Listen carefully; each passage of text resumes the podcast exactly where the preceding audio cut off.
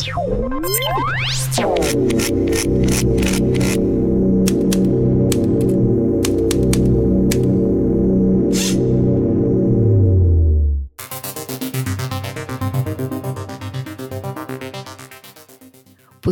v 26. epizodi pod črto podcasta.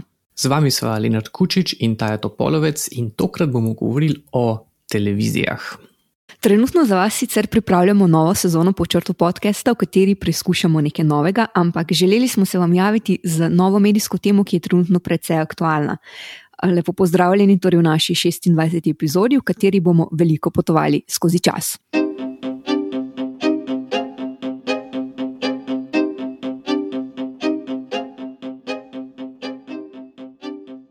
No, in to naše časovno popotovanje začnemo 11. maja lani. Kaj se je vse dogajalo takrat? Po osmih tednih ustavitve je začel delovati javni potniški promet. Nekaj dni zatem je Slovenija kot prva država v Evropi preklicala epidemijo. Isti ponedeljek, torej 11. maja, pa je predsednik vlade Janez Janša na spletni strani vlade gov.si objavil basen o žabi. V zapisu z naslovom Vojna z mediji je bil kritičen do slovenskih medijev, še zlasti pa do največjih televizij in sicer javne RTV Slovenija in komercialne Pop TV. Med drugim je zapisal, da profesionalno in etično delo v dveh televizijskih hišah ne pride do izraza zaradi, citiram, huiskaškega urednikovanja in vodenja. Omenjena medija je obtožil, da širita lažno sliko o stanju v državi, povzročata občutek izrednih razmer in napadata demokratično zvoljene oblasti, ki se trudijo obvladovati epidemijo nevarne bolezni COVID-19. Zakaj torej sredi epidemije koronavirusa predsednik vlade z mnenjskim tekstom na uradni vladni strani predstavlja svoje poglede na medije, novinarje in politiko? V tekstu se pa osredotoči predvsem na RTV Slovenija in Pop TV, torej zakaj prav na televizije.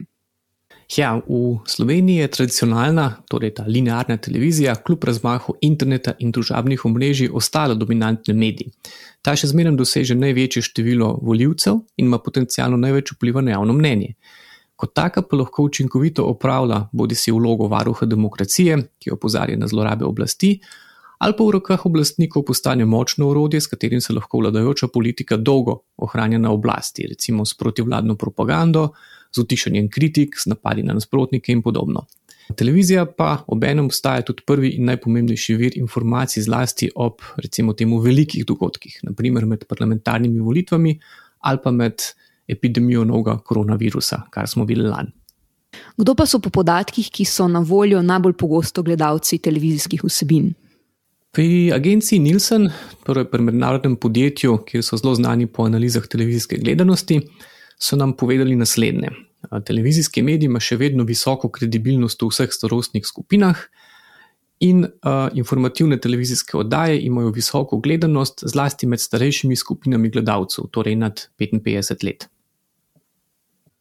Če pogledamo podatke Državne volilne komisije za leto 2018 in sicer glede udeležbe na državno-zborskih volitvah, je bilo kar 37 odstotkov voljivcev starejših od 60 let. Še dodatnih 28 odstotkov pa jih je bilo v starostni skupini med 46 in 60 let. In kaj lahko zaključimo iz tega, dostop do televizijskih občinstev je torej v velikem interesu politike.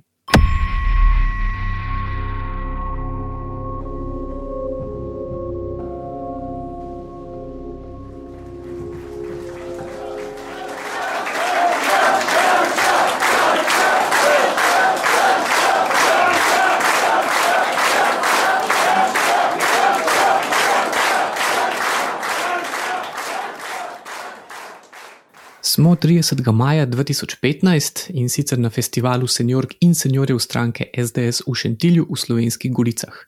Torej, treba nekaj narediti tudi z naše strani. No, in zdaj, jaz že približno pol leta to govorim.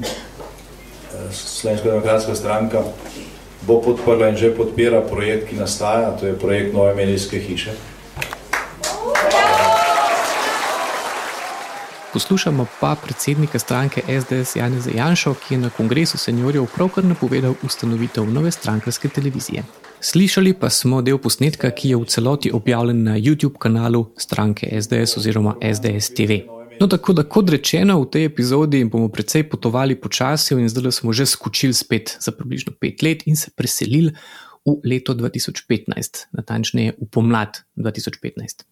Spomnimo se torej, kaj se takrat dogaja. Predsednik države je Borut Pahor. Stranka modernega centra, ki se je takrat še imenovala stranka Mira Cerarja, praznuje prvi rojstni dan. Miro Cerar je takrat tudi premijer in SMC vodi vladno koalicijo. Poglejmo pa še, kaj se dogaja izven Slovenije. Ja, tudi mrske. Britanska kraljica je v tradicionalnem letnem nagovoru takrat uradno napovedala referendum za izstop Velike Britanije iz EU, tako imenovani Brexit. V ZDA se je že začela predsedniška rečva predtekma, kjer ni še nihče resno računal na prihodnega zmagovalca Donalda Trumpa. Aprila istega leta pa je ustavno sodišče razveljavilo tudi dveletno zaporno kazen Janezu Janši zaradi primera Patrija.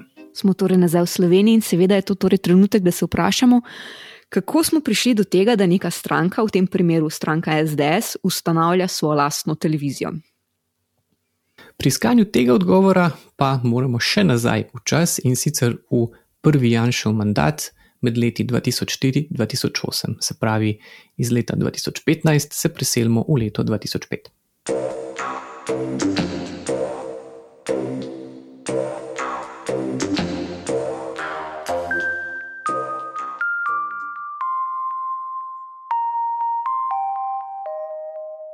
Državni zbor je julija 2005, se pravi pol leta po imenovanju prve vlade Jane Zajanše, sprejel nov zakon o radioteleviziji Slovenija.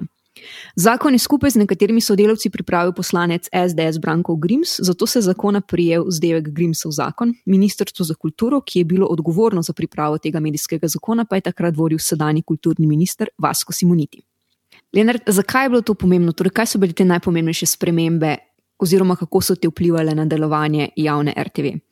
Med najbolj pomembnimi spremembami novega zakona je bila ustanovitev novega vodstvenega organa javne RTV in sicer programskega sveta.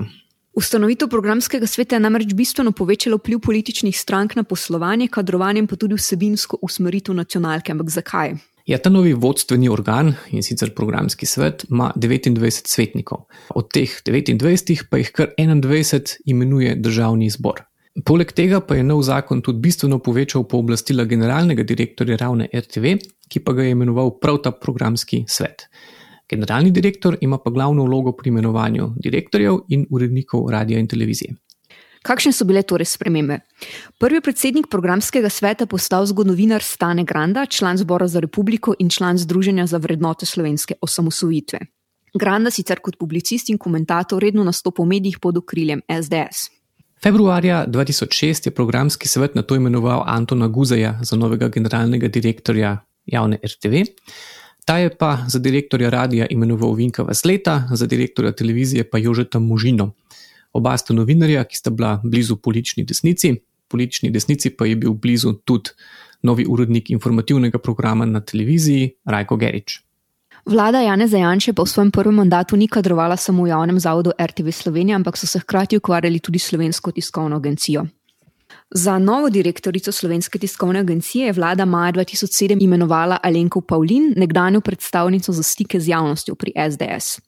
Ta je na to za odgovornega urednika tiskovne agencije imenovala Boruta Meška, sicer ustanovnega člana alternativnega desnega združenja novinarjev in publicistov. Med novimi uredniki STA je bil tudi Uroš Urbanija, Urbanija je pozneje sodeloval pri več drugih medijskih projektih pod okriljem SDS, trenutno pa je direktor vladnega urada za komuniciranje UKOM. V prvem mandatu Jana Zajanša je torej stranki SDS uspelo kadrovsko prevzeti oba javna medija in sicer nacionalno RTV in STA. Poleg tega pa so uspeli začasno prevzeti tudi delo in večer. Zdaj več o političnem prevzemu obeh časopisov se lahko poslušate v 23. epizodi podčrta podcasta, kjer smo se posvetili prav časopisom. No, konc prvega mandata stranke SDS pa je povezan tudi s brezplačniki in sicer sta začela v leto predvolilno kampanjo leta 2008 izhajati dva propagandna brezplačnika pod okriljem SDS in sicer Slovenski tednik in Express. Oba sta potem uglasnila po volitvah in porazu SDS. Ta zgodba, kljub poznejši parlamentarni preiskavi, ni dobila epiloga, v njej pa je poniknilo za več kot milijon evrov iz podjetij v državni lasti. Več o tem pa si spet lahko poslušate v naši 21. epizodi podcasta, v kateri smo podrobneje predstavili medijski sistem pod okriljem stranke SDS. Smo jeseni 2008, SDS takrat izgubi volitve in novembra je prisegla nova vlada premijeja Boruta Pahorja. Tudi nova vlada se je lotila urejanja medijskega prostora in pa kadrovanja v medijih. Po menjavi vlade so se začele spremembe na tiskovni agenciji STA. Direktorica Alenka Pavlin je, uradno zaradi zdravstvenih razlogov, odstopila jeseni 2008. Pomlad 2009 pa jo je zamenjal Bojan Veselinovič. Ta je na čelu STA ostal do danes. Veselinovič pa je sicer nekdani urednik informativnega programa na Radiu Slovenija in pa novinar časopisa Dnevnik. Dogajale pa so se tudi kadrovske spremembe na javni RTV in sicer leta 2010 so mandat nastopili novi nadzorniki in programski svetniki Radio Televizije Slovenije. Z nacionalke je potem odšel generalni direktor Anton Guze, potekla pa sta tudi mandata obeh direktorjev radio in televizije z prve Janševe vlade in sicer Vinka Vasleta in Jožeta Možine. Oktober 2010 v Pahorjevi vladi sprejmejo tudi nov zakon o javni RTV, po katerem naj bi se med drugim zmanjšala moč parlamenta pri imenovanju nadzornikov in programskih svetnikov. Ampak je opozicija na čelu stranko SDS po potrditvi zakona v parlamentu zahtevala referendumsko presojo zakona. Voljivci so decembra 2010 na referendumu potem zavrnili nov zakon na RTV, zato je ostal veljavi tako imenovan Grimsov zakon. S tem pa tudi možnost neposrednega vpliva vladajoče politike na vodenje, kadrovanje in pa vsebino javne RTV. Ja, ta zakon o RTV je veljaven do danes in še danes. Vendar pa je SDS razmeroma hitro izgubila kadrovski vpliv, ki ga je imela po prvem mandatu. Ker, kot so povedala, njihovi kadri so namreč zapustili nacionalko, STA, delo in večer. Smo februarja 2012 in pravkar je začela delovati druga vlada pod vodstvom SDS in Jana Zajanče. Na parlamentarnih volitvah 2011 je sicer največ glasov dobila stranka Pozitivna Slovenija, ki jo je takrat vodil ljubljanski župan Zoran Jankovič. Ampak Jankoviču ni uspelo sestaviti vlade, zato je mandat dobila drugo vrščena stranka in sicer SDS. In v medijih se ponovno ponovi zelo podobna zgodba kot v prvem Jančevem mandatu. Res je, vlada je najprej kljub zakonskim omejitvam poskušala zamenjati nadzornike javne RTV, še preden je potekel mandat. Maja pa je predlagala in potrdila osem novih programskih svetnikov, ki so bili blizu politični desnici. To, torej taka kadrovska zasedba nadzornikov in programskih svetnikov, pa bi jim lahko pozneje omogočila imenovanje drugega generalnega direktorja in s tem urednikov. Tako kot je ravnala v prvem mandatu Jana Zajanša iz leta 2005 vendar pa so se jeseni 2012 začeli množični protesti. Državljani so na njih zahtevali odstop koruptivnih političnih elit. Solidarnost, vsi smo zaporniki, solidarnost, vsi smo zaporniki, solidarnost, vsi smo zaporniki. Zahteve po odstopu predsednika vlade Jana Zajanše so se zaustrile po objavi poročila Komisije za preprečevanje korupcije januarja 2013. KPK je v poročilu tako pri Janezu Janši kot pri Zoranu Jankoviču, torej pri obeh prvakih največjih dveh strank, zaznali obremenjenost s korupcijskimi tveganji, oziroma natančneje, premoženje neznanga izvora. Po večjih mesecih protestov so v državnem zboru 27. februarja 2013 na predlog skupine strank izglasovali konstruktivno nezaupnico vladi Jane Zajanše. Mandatarka za sestavo nove vlade Republike Slovenije pa je postala Alenka Bratušek. Zaradi te nepričakovane nezaupnice je vladi Jane Zajanše v drugem mandatu torej zmanjkalo časa za kadrovski prevzem obeh javnih medijev RTV in STA. Kljub temu, da jim je zmanjkalo časa za prevzem javnih medijev in pa kljub kratkemu mandatu, pa je bila medijska politika tudi tokrat ena izmed ključnih prioritet Janeševe vlade. Med drugim so ustanovili novo televizijo.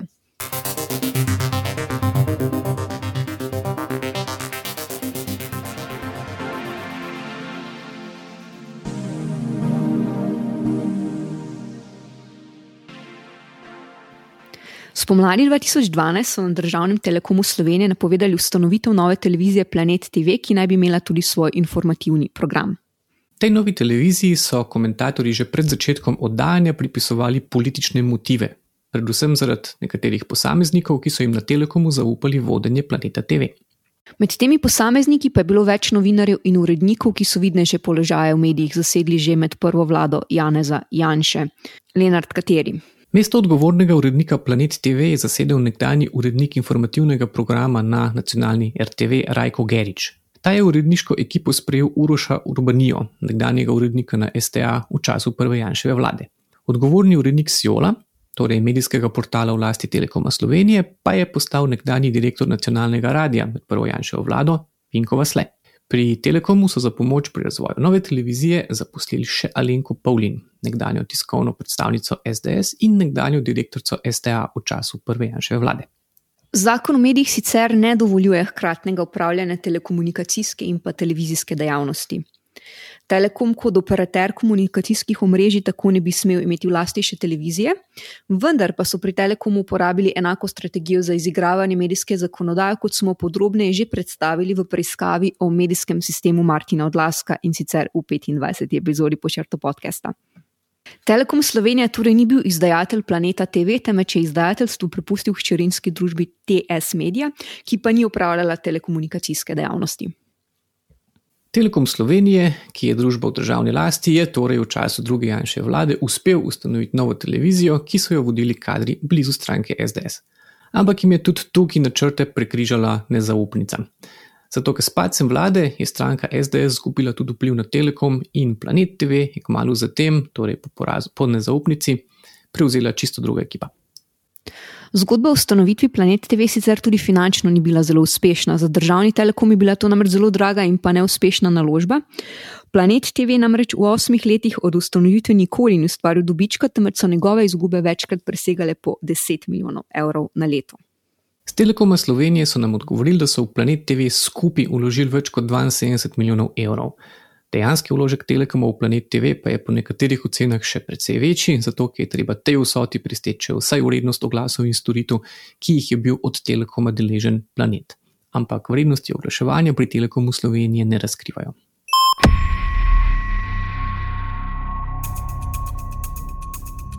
Po nezaupnici sledijo slabi časi za SDS. Se sledi primer Patrija, Janša v zaporu, izgubil pa tudi praktično vse medijski vpliv. V medijskem sistemu SDS takrat deluje praktično samo revija Demokracija. Janša je spustil zapora decembra 2014, celotno sodbo v primeru Patrija pa ustavno sodišče razveljavi aprila 2015.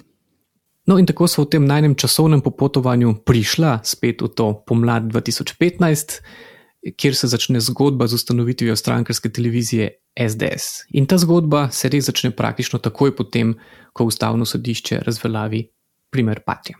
Kot smo že povedali na začetku podcasta, je Janša napovedal lastno strankarsko televizijo 30. maja 2015 in sicer na festivalu Seniork in Seniorjev SDS v Šentilju v Slovenskih Goricah. Ta medijski projekt je zelo malo dobil konkretno podobo, se je že septembra istega leta 70 ustanovnih članov družbe Nova 24 TV, tako se namreč imenuje ta nova televizija, zbralo za dobrih 110 tisoč evrov ustanovnega kapitala. Med ustanovitelji pa so prolovali člani in podporniki stranke SDS. Prvi odgovorni urednik Nove 24 TV je postal sedajni direktor urada za komuniciranje UKOM Uroš Urbanija. Med komentatorji na spletni strani Nova 24 TV pa je bil tudi Vinko Vasle, nekdani direktor Radia Slovenija med prvo Janševo vlado. So pa ustanovitelji nove televizije podcenjevali zahtevnost televizijskega medija, zato se je začetek oddajanja večkrat zamaknil. Med drugim so pri SDS pozivali podpornike na novo televizijo podprejo tudi z nakupom delnic, ki so bile na prodaj na vseh slovenskih poštah. Izdanih je bilo za 3 milijone evrov delnic, od katerih so do konca leta 2015 prodali dobrih 9000 delnic in zbrali s tem okoli 900 tisoč evrov. Vendar pa je bila to samo tretjina načrtovanega denarja. Nova televizija je začela oddajati 1. marca 2016. Med njenimi izvršnimi direktorji pa so se zvrstili številni vidni člani SDS, med njimi tudi trenutni državni sekretar Božo Pretalič in trenutni minister za notranje zadeve Aleš Hojs. Vendar pa projekt finančno ni bil uspešen. Izdajatelji Nove 24 TV so že v prvem letu oddajanja ustvarili za več kot 700 tisoč evrov izgube. Septembra 2016 je Aleš Hojs, tedajni predsednik upravnega odbora Nove 24 TV, za časopis Dnevnik potrdil, da jim je uspel pridobiti tuje vlagatelje. In sicer tri mačarska podjetja, ki bojo v televizijo vložile 800 tisoč evrov.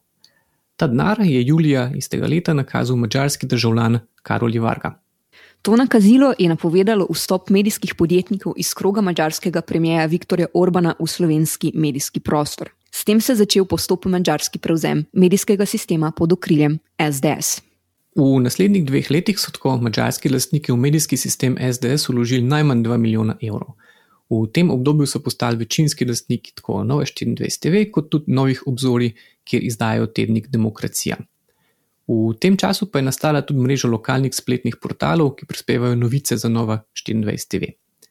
Pred volitvami leta 2018 so začeli izdajati Čkandal 24, politično-tabloidni tednik, ki pa je v tiskani obliki prenehal izhajati kmalo po volitvah in je ostala samo še njegova spletna izdaja, ki obstaja še danes. Seveda pa se tukaj postavi vprašanje, zakaj so se mačarski lastniki odločili za medijske naložbe v Sloveniji. Ja, zato ker njihovi motivi se ne zdijo finančni, zato ker in nova obzorja, in nova hiša, in nova 24 TV so pred vstopom Mačarov nekako nihali med nizkimi dobički in izgubo. Nova 24 TV recimo je v prvih treh letih ustvarila za dobrih 1,1 milijonov evrov izgube. Poslovanje vseh treh omenjenih izdajateljev, torej novih obzorij, nove hiše in pa nove 24 TV, pa se je glede na finančne podatke izboljšalo šele po vstopu mačarskega denarja. Omenjeni slovenski mediji so tako postali del mačarske desne medijske koalicije, ki jo družijo nacionalistična politika, sovraštvo do migrantov, nasprotovanje Evropski uniji in pa liberalni demokraciji. Mačarski medijski poslovneži iz kroga premijeja Viktorja Orbana namreč nimajo namena podpirati novinarstva, prinašati pluralizma in spodbujati medijske svobode. Skozi medije hočejo uveljaviti Orbanove strateške interese in normalizirati skrajne politične ideje, s katerih se napajajo evropski populisti. Nacionalizem, rasizem, verski fundamentalizem in ustvarjanje ideoloških sovražnikov. Pri SDS pa tudi niso niti skrivali povezav z mačarskim premijem Orbanom, ki je pred volitvami leta 2018 nastopil tudi na njihovih strankarskih zborovanjih v Sloveniji. S pomočjo Mačarov je torej stranka SDS dobila medijski sistem, ki ni odvisen od tega, ali so na oblasti ali ne.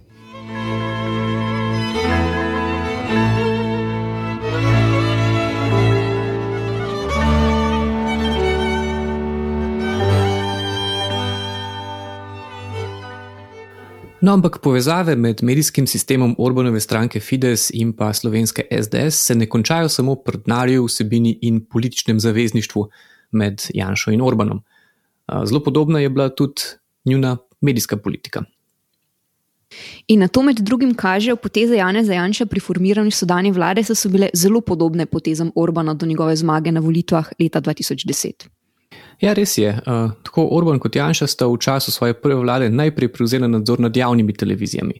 Uh, ko sta se znašla v opoziciji, sta oba ustanovila svoj strankarski televiziji in sicer Orban Hir TV, Janša pa Novo 24 TV. Potem pa sta oba uspela s pomočjo svojih poslovnih povezav ustanoviti še dodatno televizijo, ki ima bila naklonjena in sicer Orban Eho TV, Janša pa Planet TV.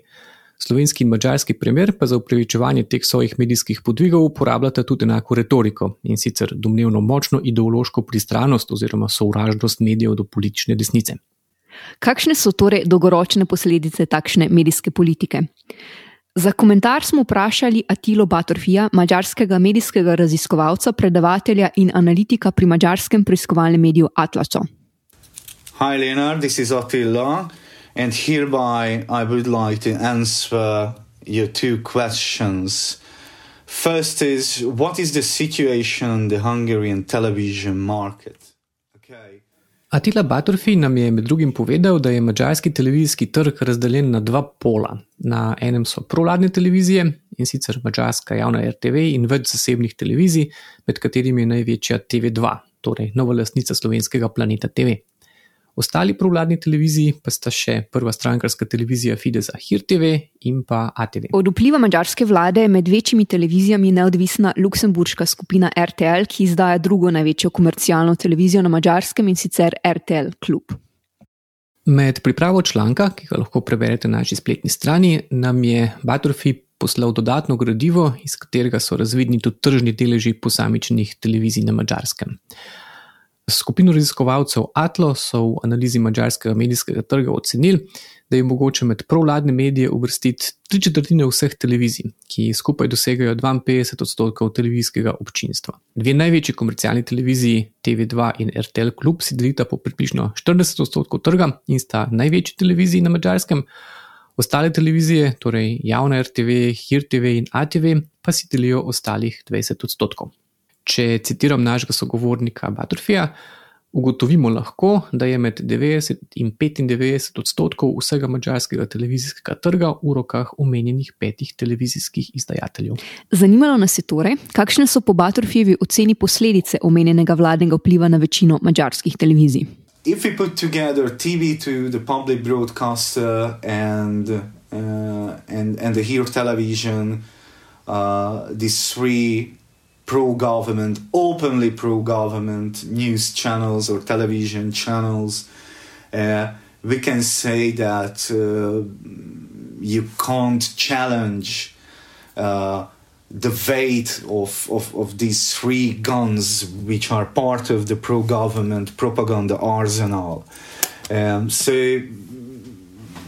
they don't do uh, any journalistic uh, or any critical work on uh, on the government. They TV2, run- javna RTV in HIR-TV so del provladnega propagandnega arsenala, ki ne upravljajo nikakršnega novinarskega dela, niso kritični do vlade, ampak vodijo propagandne, blatilne kampanje proti politikom, novinarjem in nevladnim organizacijam v nekdanjem sovjetskem slogu. Pri tem so zelo učinkoviti, saj so vsi del enega omrežja. Vse uredniške odločitve so centralizirane in usklajene. Ti mediji nimajo neodvisnega uredniškega procesa, v katerem bi vsak zase odločali, kaj bodo pokrivali in na kakšen način. Vsi so del vladne komunikacijske mašinerije, njihove vsebine pa potem povzemajo še drugi provladni mediji, kot so internetni mediji Origo ali 888.hu. Ko se še vse te medijske pištole tvorijo eno ogromno atomsko bombo, če se tako izrazimo. Ampak menimo, da je pomembno izpostaviti, da obstajajo tudi televizijski kanali, ki niso del vladne propagande in so pri sprejemanju svojih odločitev neodvisni. independent uh, decision making process on how and what to cover and what to report and how to report it. Eden izmed teh neodvisnih televizijskih kanalov na mačarskem, ki jih je omenil naš sogovornik Batorfi, je RTL Klub. To je sicer komercialna televizija, namenjena zabavi, ampak pripravljajo pa tudi zelo gledan informativni program, kjer objavljajo tudi kritične prispevke ali pa predstavljajo preiskave neodvisnih mačarskih spletnih medijev. Batorfi pa je pozoril na še eno značilnost mađarskega televizijskega trga. Po podatkih skupine analitikov Atlas so provladni mediji leta 2018 prejeli kar 80 odstotkov vsega državnega denarja za oglaševanje. Tu ne omenimo, da je država za oglaševanje porabila 230 milijonov evrov.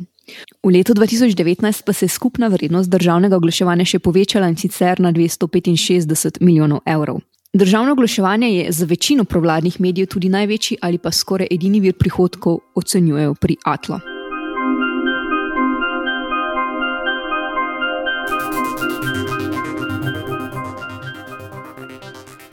Zakaj so te značilnosti mačarskega medijskega modela tako pomembne tudi za nas? Kot smo v tem podkastu že povedala, so Mačari trenutno večinski lastnik medijskega sistema SDS. Gre za posameznike iz poslovnega kroga, ki je blizu mačarskemu premijeju Viktorju Orbanu in njegovi stranki Fides. Vendar pa mediji pod okriljem SDS niso edini medij, ki je v Sloveniji v mačarski lasti. Res je, v mačarski lasti je od lanskega poletja tudi Planet TV. Lan poletje namreč mačarska medijska družba TV2 Media od državnega telekomunikacijskega operaterja Telekoma Slovenije kupila to drugo največjo slovensko komercialno televizijo. Lastnik skupine TV2 Media je mačarski investicijski sklad Abraham Goldman, ki ga obvladuje mačarski finančnik Jožef Vida, skupaj z nekaterimi partnerji. Med njimi je domnevno tudi največji mačarski oligarh in pa medijski lastnik Lorenz Mizaroš. Oba omenjena posameznika so ta okrog poslovnežev blizu vladajoče stranke Fides in njenega predsednika Viktorja Orbana. Kot so že povedala, ta krog na mačarskem obvladuje velik del medijskega in pa večino televizijskega trga.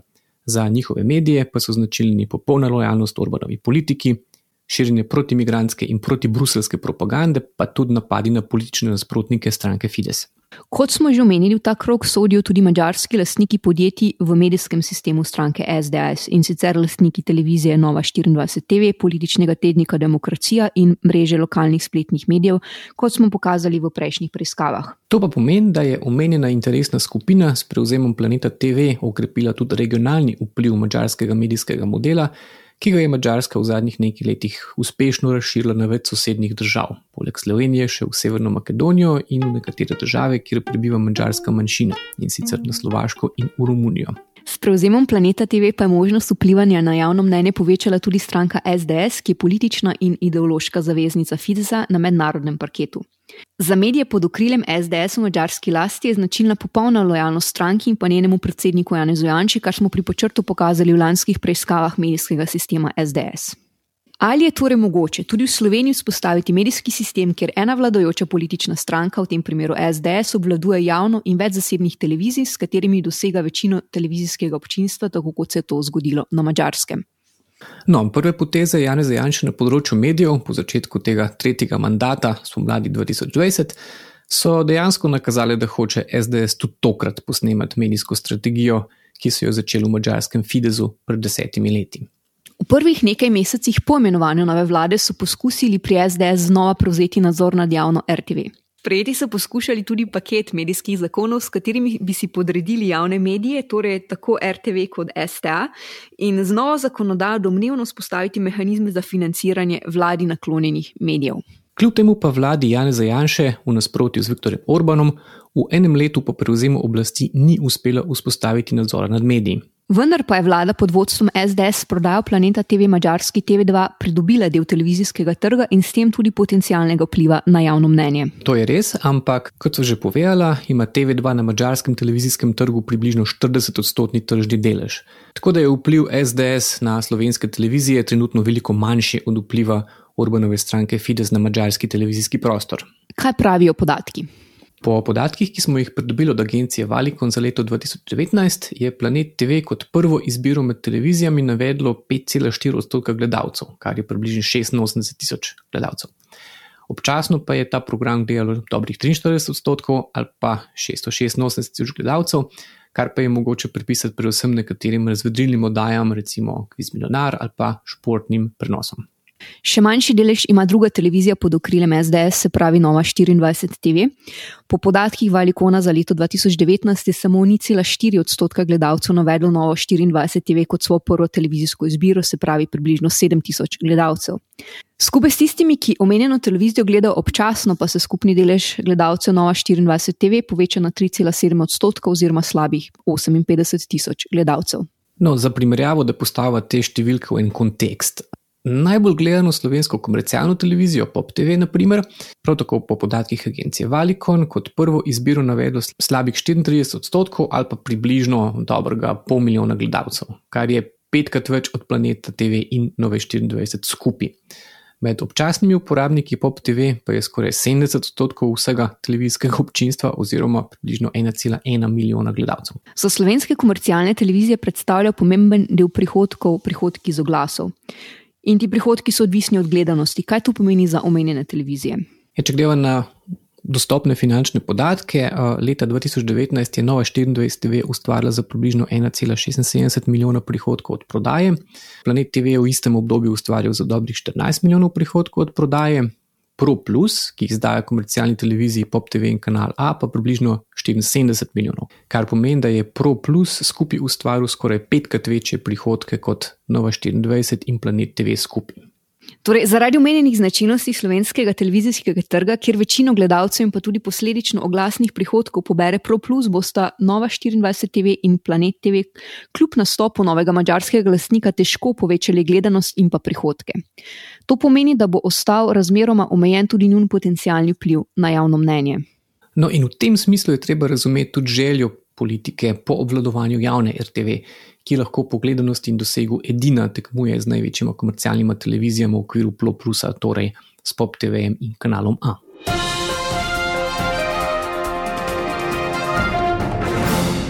Vpliv na televizije pa lahko pri SDS povečal še na dva načina, kar kaže vsebina predlaganih novih medijskih zakonov, ki jih je vlada predstavila lani poleti.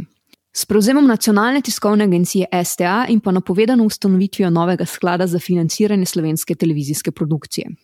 Vodja vladnega urada za komuniciranje Uroš Urbanija, sicer prvi odgovorni urednik Nove 24 TV, je v imenu urada večkrat ustavil financiranje javne službe, ki jo upravlja STA za slovensko vlado.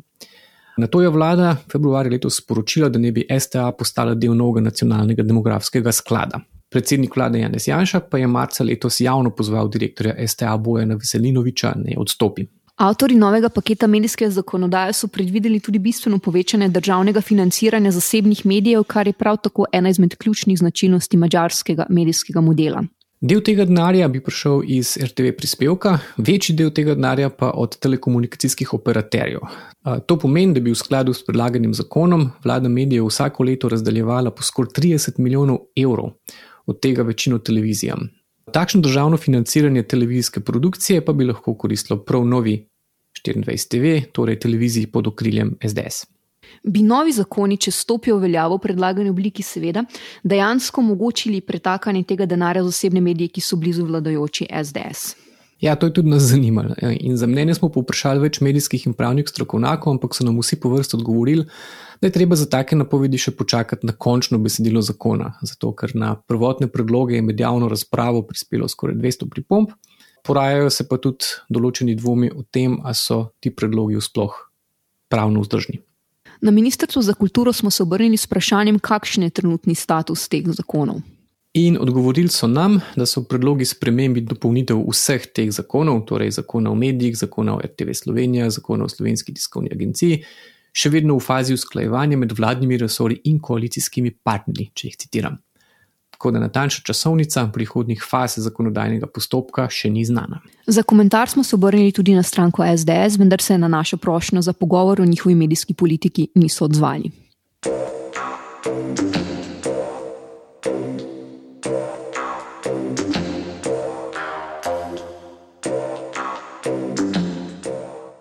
Kaj lahko torej zaključiva po vsem tem, kakšna je prihodnost slovenskega televizijskega trga?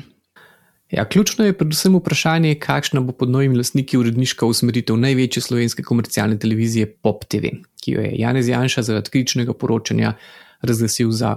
Citiram, največjo opozicijsko stranko v Sloveniji. Vendar pa Janša svoje mnenje kasneje spremenil. Lani jesen je Evropska komisija češkemu poslovnežu Petru Kellnerju oziroma njegovemu naložbenemu skladu PPF odobrila nakup medijske skupine CME, kateri del je tudi Pop TV.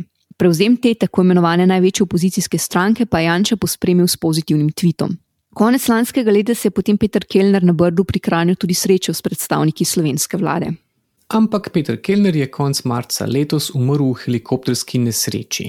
Kellner je sicer na češkem veljal za močnega zakulisnega igralca, ki ima veliko vpliva v gospodarstvu in politiki, večino poslovnih interesov pa je imel v Rusiji in na Kitajskem. O prihodnosti ProPlusa in njegovem prihodnem lastništvu bi lahko na tem mestu sedaj samo ugibali, vendar pa če pogledamo na razmere na slovenskem televizijskem trgu. Če bi SDS poleg planeta in pa nove 24 obladovala tudi javno RTV, bi to že pomenilo znaten del slovenskega televizijskega trga, saj bi od večjih televizij samo Pop TV in Kanal A ostala neodvisna od neposrednega vladnega vpliva. Če bi stranki SDS to uspelo, potem bi bila situacija v Sloveniji zelo podobna situaciji na Mačarskem, kjer je večina televizij trenutno propagandno urodje Orbanove stranke Fides. In kot smo pokazali v analizi medijskega sistema SDS, se pri SDS zgledujejo po Orbanu, tako pri načinu spostavitve medijskega sistema, kot pri vsebinah. Povezave pa se tukaj ne končajo, saj so ob tem mediji pod okriljem SDS tudi finančno odvisni od kroga mačarskih lastnikov, ki so blizu Orbanu. Medijski sistem pod vplivom Orbana in stranke Fides torej ni prinesel več pluralizma in boljših medijev. In podobno ni mogoče reči, da dajo več prostora konzervativnim vrednotam, ampak delujejo zgolj v interesu ene stranke in sicer Fidesa, kar pa ni več lastnost medijev, ampak urodja za politično propagando.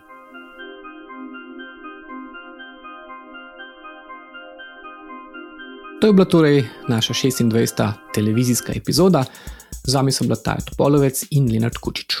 Tokratna epizoda o televizijah je sicer del naše večletne preiskave o medijskem lastništvu v Sloveniji. Če še niste, vas vabimo k branju celotne serije člankov, ki jo najdete na naši spletni strani v zavihku Mediji. Pri pripravi tega podcasta so sodelovali tudi Anžej Boštic in Metod Blejec, ki poskrbijo tudi za našo vizualno podobo. In tokrat tudi del zvočne podobe. Za glasbene vložke in dober zvok pa je kot vedno poskrbel Milan Fras. Če vam je bila epizoda všeč, se priporočamo za oceno in komentarje pri vašem najljubšem odjemalcu podkastov. Še posebej pa bomo veseli, če boste podčrto podcast priporočili v poslušanje še komu. Vsebina na podčrto tudi tale podcast nastajajo s pomočjo vaših donacij, tako da bomo veseli vaše podpore na počrto pikasi pošiljnica podpri.